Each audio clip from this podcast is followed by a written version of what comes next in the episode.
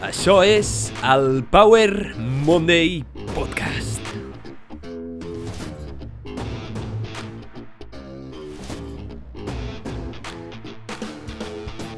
Benvinguts al Power Monday Podcast. Soc en Pau, el teu apassionat de salut, inspiració i ciència, i estic molt agraït de que estiguis escoltant aquest episodi. Ho he vist. Ho he vist diàriament amb els meus propis ulls. Cada matí, sense excepció. Quan anava cap a la universitat, en bus, a Barcelona, cada dia veia incomptables cotxes, amb tan sols un passatger fent el mateix trajecte, o com a molt amb dos passatgers. Gran nombre de cotxes fent el mateix trajecte. Tots es dirigien cap a Barcelona, a un destí molt semblant, a un destí molt proper. Però tot i fer el mateix trajecte cada dia, moltíssimes persones, en comptes d'agafar el transport públic, es decideixen per anar amb transport privat. Cada matí em preguntava, si tothom va al mateix lloc, calen tants cotxes? Cal aquesta contaminació innecessària, aquesta despesa innecessària? No hi ha una millor manera de desplaçar-se al teu lloc de treball que no sigui tots agafant petites càpsules i anant al mateix lloc? De totes aquestes reflexions neix aquest episodi, i és que en aquest episodi et porto una idea transgressora i alhora una idea tan antiga com el transport privat. Una idea que pot revolucionar el sistema de transport i aportar grans beneficis a la societat contemporània. Atenció, és compartir cotxe. Sí, val, potser no sona gaire fancy, guai, divertit, no sona gaire interessant i molt complex. Però si et quedes en aquest episodi podràs veure, podràs entendre com aquesta idea pot revolucionar realment el sistema de transport actual i cada vegada serà més habitual i avui és més necessari que mai.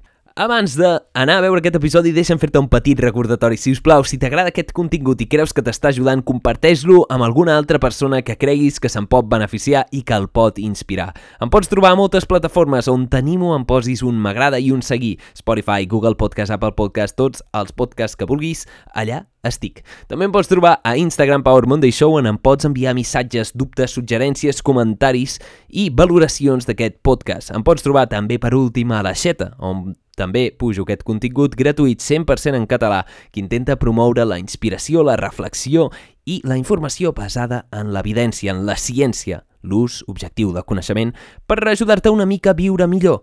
Sense esperar res més a canvi que no pas la teva acció i el fet de que comparteixis aquesta paraula perquè arribi més enllà, arribi a més gent. Dit això, en aquest episodi veurem per què compartir cotxe pot ser una de les millors opcions per revolucionar el nostre sistema de transport, els beneficis que et pot aportar a nivell individual, a nivell col·lectiu, la història del transport i molt més. Així que som-hi! 70%.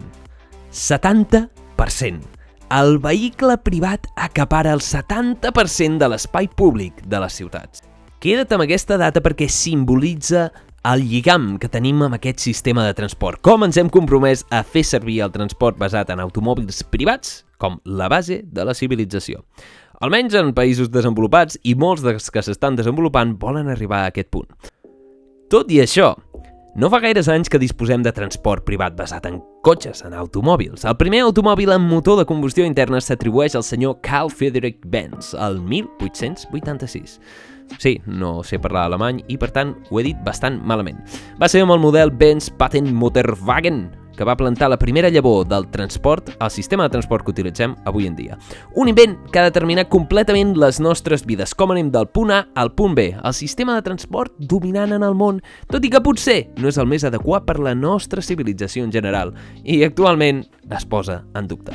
L'ús de cotxes en general no va començar fins farà uns 70 anys, a partir del de final de la Segona Guerra Mundial, el 1945. Es va començar a produir i distribuir cotxes en cadena i establir com a mètode dominant de transport. Llibertat. Llibertat és el que portava el transport privat, la capacitat d'anar on vulguis, quan vulguis, i és que què hi ha més lliure que això? Durant molt temps aquesta idea va fascinar a tothom, i tothom vol comprar aquesta llibertat comprant un poderós cotxe, i això en el capitalisme li va anar de perles.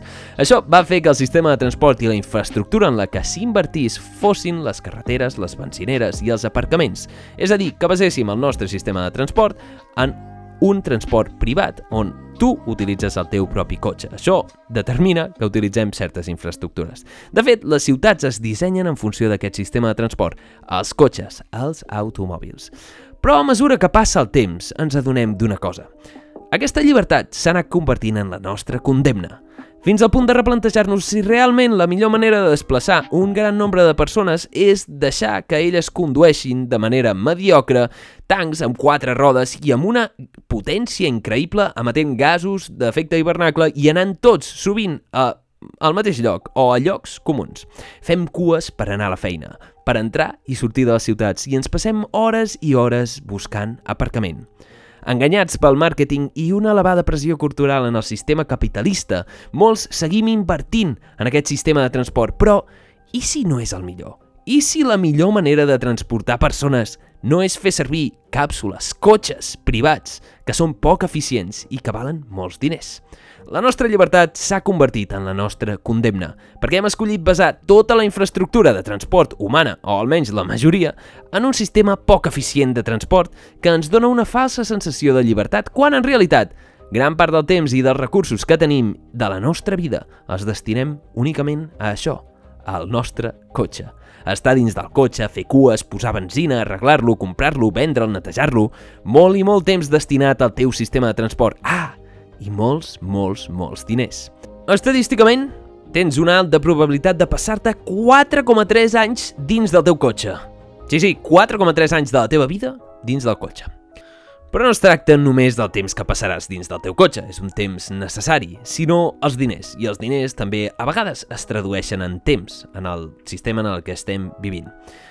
Un estudi recent publicat fa un mes a Ecological Economics va tenir uns resultats increïbles i és que els resultats confirmen que els automobilistes subestimen els costos privats totals de la propietat d'un cotxe, mentre que els polítics subestimen els seus costos socials. En aquest estudi es va veure que per la distància viatge típica de la població alemanya, uns 15.000 quilòmetres de cotxe per any, el cost total de vida i de la propietat d'un cotxe d'uns 50 anys oscil·la entre els 599.000 euros per un Opel Corsa i els 956.000 euros per un Mercedes de Mercedes-Benz. El que ve a ser molta, molta pasta, o molts diners. Part d'aquests diners s'amortiguen per la societat, el suport al govern, almenys a Alemanya. Els resultats de l'estudi ens suggereixen que per als grups de baixos ingressos la propietat d'un cotxe privat pot arribar a representar un cost igual a l'habitatge, consumint gran part dels ingressos disponibles. Això crea complexitats en la percepció dels costos de transport, la viabilitat econòmica dels modes de transport alternatius o la justificació dels impostos. Molts diners es destinen al transport i és que és una de les activitats més importants en l'ésser humà avui en dia. És un estudi molt interessant que et recomano que llegeixis, però és bastant, bastant eh, dur de pair aquell estudi. Més dades sobre el transport basat en cotxes privats. Els accidents són la novena o dotzena causa de mort en el món i entre les cinc primeres de causes de mort prevenibles com a mínim. Causa 1,3 milions de morts anuals com si res, quasi res. Tot i que el tabac el deixa molt enrere amb els seus 7 milions, però tenim bastants accidents de cotxe. La contaminació ambiental que causen els cotxes és un altre punt important a tenir en compte. Tant la seva fabricació com el seu ús és un dels principals promotors del canvi climàtic i la contaminació ambiental, que és la cinquena causa de mort al món i responsable de moltes, moltes malalties, així com càncer i altres problemes derivats de la contaminació ambiental, els casos que emeten aquestes màquines tan precioses que ens encanten tant. Val, en aquest episodi no seré un hater del sistema de transport actual, no seré un hater dels cotxes, tot i que podria seguir, sinó que el que farem és buscar ara, dins d'aquest sistema, com podem millorar. Que tampoc parlaré i ni discutiré és quin és el mètode de transport òptim, perquè podríem estar moltes hores, però spoiler, són els trens, no els trens que tenim ara, sinó la seva infraestructura, és el millor transport a nivell de civilització que hem ideat els éssers humans. Eh, millor en la majoria d'aspectes, preu, seguretat, despesa energètica i velocitat. Per tant, el que intentarem trobar és, dins d'aquest sistema, com podem millorar-lo. I és que crec que podem crear un sistema de transport més eficient si fusiem el transport públic i el transport privat en un sol ecosistema. Perquè el transport privat, òbviament, té les seves avantatges. Es tracta de fusionar el que ja tenim, el que hem creat al llarg dels anys, amb els principis del que sabem que és millor, el transport públic. I crec que això és possible, perquè ja s'ha aconseguit a moltes ciutats i perquè la capacitat la tenim. Unificar les virtuts d'un amb les virtuts de l'altre, el transport privat fusionat amb el transport públic. Això és possible gràcies a compartir cotxe. Compartir cotxe pot revolucionar el món perquè ens permet fer front a cinc grans problemes del transport privat individual. En els pròxims anys, la tendència de dependre d'aquest sistema canviarà i el transport públic, l'automatització del transport i la mobilitat compartida revolucionaran l'escenari urbà. L'electrificació i l'automatització dels vehicles tenen cert potencial per reduir les emissions també i per canviar aquest sistema. Però ara mateix podem veure cinc grans problemes que ràpidament es podrien solucionar amb compartir cotxe. Aquests són la congestió de tràfic, els problemes de pàrquing, la contaminació mediambiental, la despesa econòmica i els accidents de trànsit. Anem-los a veure un per un i sé que, espero, almenys, espero que et fascinin tant com a mi. Anem a per la congestió del tràfic, i aquesta és clara, i és que està clar que com menys cotxes a la carretera, menys trànsit, i com menys trànsit, menys cues, i com menys cues, menys temps perdut. Compartir cotxe farà que menys cotxes vagin a la carretera. Fer cues amb el cotxe és probablement una de les coses més estressants a fer en aquest planeta. Una situació de frustració pura, d'estar quiet, amb una màquina que pot anar a 200 km per hora o més, d'engegar, parar i repetir. És una de les coses que més em treu de polleguera i que em fa sentir molt malament, em fa sentir molt estressat. No només estrès causen les cues, sinó que també guanyar pes. I és que un estudi publicat al Journal of Preventive Medicine, als Estats Units, ens constata que els subjectes d'estudi que es desplaçaven en cotxe diàriament van guanyar gairebé el doble de pes durant un període de 5 anys que els que no tenien un desplaçament en cotxe. I és que estar assentat en el cotxe, assegut, fa que t'engreixis, ets més sedentari i tens menys temps per fer altres coses. Fer cues també augmenta la despesa de combustible per quilòmetre. A part d'això, un altre estudi va veure que la mitjana americana de temps que es passa en cues de tràfic són 42 hores anuals. Sí, et passes quasi dos dies uh, fent cues al llarg de l'any. A Europa, més o menys, tenim les mateixes dades. Entre 26 i 42 hores anuals de trànsit no ens les treu ningú. Les cues de trànsit donen molt de què parlar, sí, però si et sents malament, recorda que a la Xina, una vegada, cap a l'any 2015, va haver una cua de 12 dies. Sí, ho has sentit bé, 12 dies. Pots buscar imatges, són fascinants veure una cua tan eterna i com les persones havien de dormir al cotxe, parar, engegar, dormir, parar, engegar, dormir. És una tortura eterna simplement per escollir aquest mètode de transport que potser no és el més eficient quan tenim en compte que volem moure grans masses de gent. Compartir cotxe ens podria permetre solucionar aquest problema, a part de millorar el transport públic. Però compartir cotxe significaria menys cotxes i, per tant, menys cues. Menys trànsit voldria dir menys cues. Menys cues voldria dir més temps per tu. Menys cues també vol dir més diners per tu, més tranquil·litat i més benestar. Així que compartir cotxe, si tothom comencés a compartir cotxe, podríem trobar més pau, més pasta i més temps. Viuríem més i millor. Increïble. Anem a veure el segon punt, el segon problema que pot solucionar el fet de compartir cotxe. Els problemes de pàrquing. I és que parlant d'estrès i sentir-se inútil, buscar pàrquing també té aquestes qualitats. Ens passem moltes hores buscant pàrquing. I és que el 70% de la superfície de les ciutats està destinada a aquest sistema de transport, però no trobem pàrquing i podem estar molt temps buscant-lo. Compartir cotxe no només et deixarà més places lliures, sinó que farà que sigui més fàcil i més còmode trobar aparcament. A part, el simple fet de buscar pàrquing també genera més congestió en el trànsit. Per tant, quantes més places disponibles hi hagin, menys congestió en el tràfic en general hi haurà. A mi, personalment, buscar pàrquing o buscar aparcament em frustra moltíssim, perquè tècnicament ja has arribat al teu lloc de destí. El que et falta és trobar una plaça de pàrquing. Gran part de la superfície de les ciutats es destina en el pàrquing i són superfícies que, si es reduïssin, es podrien destinar a altres motius, sobretot si estem plantejant canviar de sistema de transport. Però he dit que en aquest episodi no tocaria aquest tema, tot i que m'agrada moltíssim. Per tant, aquest és el segon problema que solucionaria compartir cotxe. Més places de pàrquing disponible vol dir més temps per tu i menys estrès i més pau. Un altre benefici. Anem a per al tercer benefici, el tercer problema que pot solucionar compartir cotxe. La contaminació mediambiental. Tots sabem que el transport contamina molt. Tot i que contamina menys del que realment pensem, això és veritat. Els nostres cotxes contaminen moltíssim i contamina més si només hi va una persona. Bé, no contamina més, simplement necessitem més cotxes per moure el mateix número de persones.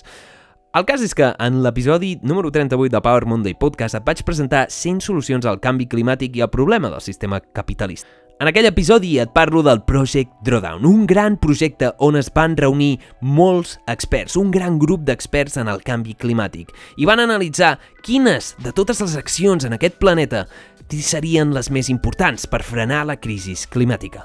Doncs bé, a part de reduir l'ús de refrigeració i redissenyar-la, seguir una dieta basada en plantes i menjar menys animals, una de les propostes més interessants és compartir cotxe. En aquest projecte de 100 solucions per fer front al canvi climàtic calculen que amb una inversió de 0 milions d'euros, quasi no cal invertir res, podríem estalviar a gran escala uns 2,7 o 5,3 trilions de dòlars i estalviar-nos 4,7 a 7,7 gigatonelades de CO2 si implementéssim sistemes de compartir cotxe. És una de les accions més importants que podem fer ara mateix, ràpidament, per fer front al canvi climàtic compartir el cotxe. Pot ser que et sembli una bajanada, però compartir cotxe és una de les accions més importants per fer front al canvi climàtic. És agafar un sistema de transformació de persones que no funciona i millorar-lo. A part d'això, la contaminació mediambiental no és només el CO2 que fa que estem més calents en aquest planeta que mai, sinó que també contribueix a una disminució de la contaminació ambiental de gasos tòxics. Els cotxes sí que són principals responsables de l'emissió d'aquests gasos tòxics en les ciutats que causen moltes malalties i la mort prematura en moltes persones. A moltes ciutats veiem l'esmog, aquest augment, aquest color de gas que es pot veure a simple vista i que sol presentar en funció de com canvia la temperatura. Si vols, pots buscar smog, és S-M-O-G, a Barcelona i veuràs de què et parlo, però segur que ja ho has visualitzat. No són núvols, sinó que són gasos que emeten els nostres cotxes que afecten a la nostra salut. A part de salut, la contaminació mediambiental també implica diners, i això em porta en el següent punt, el quart punt que ens ajuda a fer front, compartir cotxe, la despesa econòmica. Com et deia, tenir cotxe és d'allò més car, però no només el fet de tenir-lo, sinó utilitzar-lo. Compartir despeses de manera sistematitzada amb les persones amb les que comparteixes trajecte pot ajudar-te molt econòmicament a tu. No és només la gasolina, sinó l'oli, els pneumàtics, les reparacions, els filtres, etc. Podem estimar què gastem en funció del trajecte, així que farem una petita simulació, una petita estimació del cost d'anar a la feina cada dia. Suposant que fas una distància des del teu domicili fins al teu lloc de treball que d'uns 15 quilòmetres amb anada i tornada efectuades uns 5 dies a la setmana, més o menys gastaràs uns 130 euros de cotxe al mes. Com més persones vagis, més estalviaràs. Anem a fer el càlcul de quan et pots estalviar. Si només comparteixes amb una persona, podries estalviar uns 66 euros al mes, que ve a ser 715 euros l'any, tenint en compte que un mes de l'any no treballes. 715 euros l'any només fent un desplaçament de 15 quilòmetrets. Estic segur que moltes persones realitzen desplaçaments molt superiors i que pots estalviar molts diners per simplement compartir cotxe. Estem parlant d'entorn 1.000 euros l'any. Això es pot traduir també a un mes de vacances o unes vacances pagades, simplement, no sé, el que més t'agradi. Pensa, què pots, què podries comprar tu a 1.000 euros? A part d'això, compartir cotxe pot ser més entretingut que anar sol, a no ser que siguis com jo, un addicte als podcasts i t'agradi escoltar podcasts a tot volum. Potser algú de vosaltres escolta aquest podcast um, anant amb cotxe? Imagina't, podries estar compartint el cotxe ara mateix i més persones estarien escoltant el Power Monday Podcast. el cas és que a part de tenir en compte compartir cotxe és més entretingut i que té un impacte positiu, social i per la teva cartera, l'impacte econòmic va molt més enllà. Perquè no només els cotxes valen diners per als individus que són propietaris, sinó que també impliquen un desgast en la infraestructura i, per tant, Menys cotxes implicarà menys manteniment a llarg termini i això suposarà una menor despesa per al teu país que podria invertir aquests calés en altres propostes, com els trens i altres idees que et puguin venir a la ment. Per tant, veiem que la despesa econòmica que et pot treure compartir cotxe no és només la teva individual, sinó la també la general. Menys manteniment, més diners per tothom, tothom més content. Compartir cotxe és una manera de replantejar-nos el sistema de transport poc eficient que ja tenim ara mateix. Per últim, tenim el cinquè benefici, que és menys accidents de trànsit. Està clar, com menys trànsit, menys accidents. No hi ha gaire més a dir. Però el cas és que els accidents de cotxe, com et deia, són una de les principals causes de mort prevenibles en aquest món. I no només prevenibles, sinó prematures. Molta gent de la que mor en accidents de cotxe és gent jove que no ha viscut gaires anys de vida i que hagués viscut molt més si no hagués tingut aquell accident. A part d'això, és la principal causa de discapacitat en el món. I sí que això és important, perquè perdre qualitat de vida per un accident de cotxe no és gaire interessant. Transports més segurs, com el tren i altres transports públics, poden reduir el teu risc de patir aquests accidents de cotxe, tot i que entenc que t'agradi la llibertat de tenir un cotxe. Llavors, tots aquests són els 5 beneficis o 5 problemes que pot fer front compartir cotxe. Disminuir el trànsit, els problemes del pàrquing, disminuir la contaminació mediambiental i fer front al canvi climàtic, fer-te guanyar diners a través de disminuir les teves despeses econòmiques, perquè és una de les principals despeses de la humanitat, el fet de gastar-se en cotxe, i estalviar diners en el teu país també pot ser interessant a part de menys accidents de trànsit. Però com compartir el cotxe? Com podem compartir el cotxe amb les persones? Perquè a vegades sembla que costa fins i tot compartir el banc on seus al parc. Compartir és una característica que a l'humà sembla que li costa cada vegada més, però ara és més fàcil que mai. Per sort, avui en dia tenim noves tecnologies que ens permeten connectar fàcilment i de manera remota i instantània amb la gent, les aplicacions. Compartir trajectes mai havia sigut tan fàcil. No fa falta que utilitzem transport públic per compartir trajectes. Ho tens a la palma de la mà, ho tens en el teu mòbil.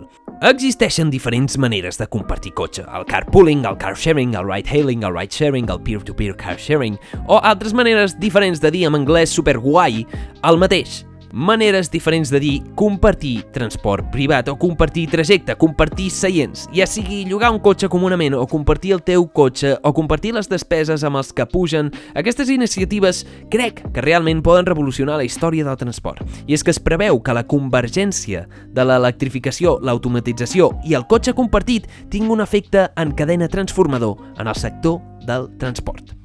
Però, per iniciar aquesta revolució necessitem un canvi cultural, un canvi en les nostres creences i les nostres percepcions de què és el transport, d'anar d'un punt A a un punt B i poder compartir aquest trajecte d'una col·laboració comuna amb les persones. Això ens poden ajudar molt, les aplicacions i la sistematització de l'accés a compartir cotxe. No pas a través de a compartir cotxe a nivell individual amb el teu veí, simplement crear una xarxa que ens permeti i faciliti i premi el fet de compartir cotxe, perquè és utilitzar el sistema que ja tenim de manera molt més òptima. Menys cotxes a la carretera, menys diners, menys accident, menys contaminació, molts beneficis que t'he anat comentant, crec que són suficients per començar a invertir en aquesta iniciativa i la veritat és que la inversió és bastant mínima, perquè la infraestructura més cara, que són els cotxes i el seu, bueno, el, les carreteres, les benzineres i tot això, ja ho tenim. Compartir cotxe és simplement canviar com utilitzem els recursos que ja tenim. Així que potser t'he convençut, potser t'he pintat de manera força atractiva això de compartir cotxe i potser preguntis, com començo a compartir cotxe? Primer de tot, pregunta't quins trajectes fas habitualment, diàriament, i amb qui del teu entorn proper podries compartir aquest trajecte. Així es crea un vincle amb les comunitats properes. Si no, pots utilitzar aplicacions com BlaBlaCar, SocialCar, Amovens, i també hi ha Escapa, Journeyfy i moltes altres aplicacions que tens els links a la descripció. Aquest episodi la descripció va carregadíssima de links. Per tant, sigui quin sigui el tipus de viatge que estàs preparant, o fins i tot si et toca quedar-te a la ciutat, busca sempre la manera més eficient i sostenible de fer aquest viatge. El planeta t'ho agrairà i les persones que hi vivim, per descomptat, també. El transport públic és una de les millors eines que tenim per moure persones i hem invertit fortament en el sector privat per la llibertat que involucrava, per seus beneficis i també potser perquè era el més viable amb el sistema capitalista que tenim. El transport públic s'hauria d'imposar al sector privat, però no sabem si això serà mai viable. El que sí que podem fer, com et deia, és fusionar aquests dos principis. Utilitzar el millor dels dos mons i compartir cotxe.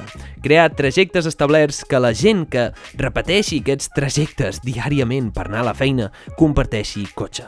La meva experiència individual em diu que és possible i que molta més gent fa el mateix trajecte que fas tu diàriament de les que tu creus. Molta gent fa el mateix trajecte. I tot i això, tot i poder compartir cotxe, no s'està fent. No és una manca de possibilitat, sinó una manca d'intenció, una manca de posar les eines necessàries per fer que això sigui més fàcil i més econòmic i donar visibilitat als beneficis d'aquestes noves accions. Un perquè ara, més que mai, necessitem un sistema de transport que sigui decarbonitzat, que no emeti tòxics, que sigui net, que sigui digital i sigui social. Ha de ser una mobilitat assequible i adaptada a les necessitats de cada un dels col·lectius. I això es pot fer i es pot aconseguir gràcies, jo crec, al transport comú, al transport basat en compartir cotxe. O almenys és una de les respostes. I parlant de preguntes, tinc moltes preguntes per tu. Què en penses tu? Creus que el transport privat ha condemnat a la gent o li ha ofert la llibertat? Creus que hauríem d'apostar per nous mètodes de transport o seguir invertint en els cotxes privats? Creus que el transport privat i el públic poden arribar a coincidir i que poden crear el transport perfecte per l'ésser humà? Deixa'm les teves opinions, envia'm les teves opinions a Power Monday Show o fes-te aquestes preguntes, perquè m'interessa molt més la teva opinió que no pas la meva. I si has escoltat el Power Monday Podcast compartint cotxe, deixa'm que t'agraeixi moltíssim el fet de fer-ho i tens els meus Power Monday Points, tens les meves bendicions i t'agraeixo moltíssim que estiguis escoltant aquest podcast. Dit això, això és tot per aquest episodi. Ei, moltíssimes gràcies per haver escoltat aquest episodi. Espero que t'hagi agradat molt o t'hagi aportat una mica de valor. Recorda, si us plau, si t'ha agradat aquest episodi, comparteix-lo amb alguna persona que creguis que se'n pot beneficiar i t'agrairé moltíssim que facis arribar més enllà la paraula Power Monday Podcast. Et recordo que pots trobar-me a moltes plataformes de podcast, Google Podcast, Spotify, totes, totes les que vulguis, i t'animo que posis un seguir, un m'agrada i que valoris el podcast amb 5 stars, amb 5 estrelles, per intentar fer que arribi més gent, que l'algoritme em posi a primera fila. Espero que també em puguis enviar un missatge a Power Monday Show a Instagram i que m'enviïs els teus dubtes, les teves inquietuds i les teves propostes, així com les teves valoracions o les teves crítiques.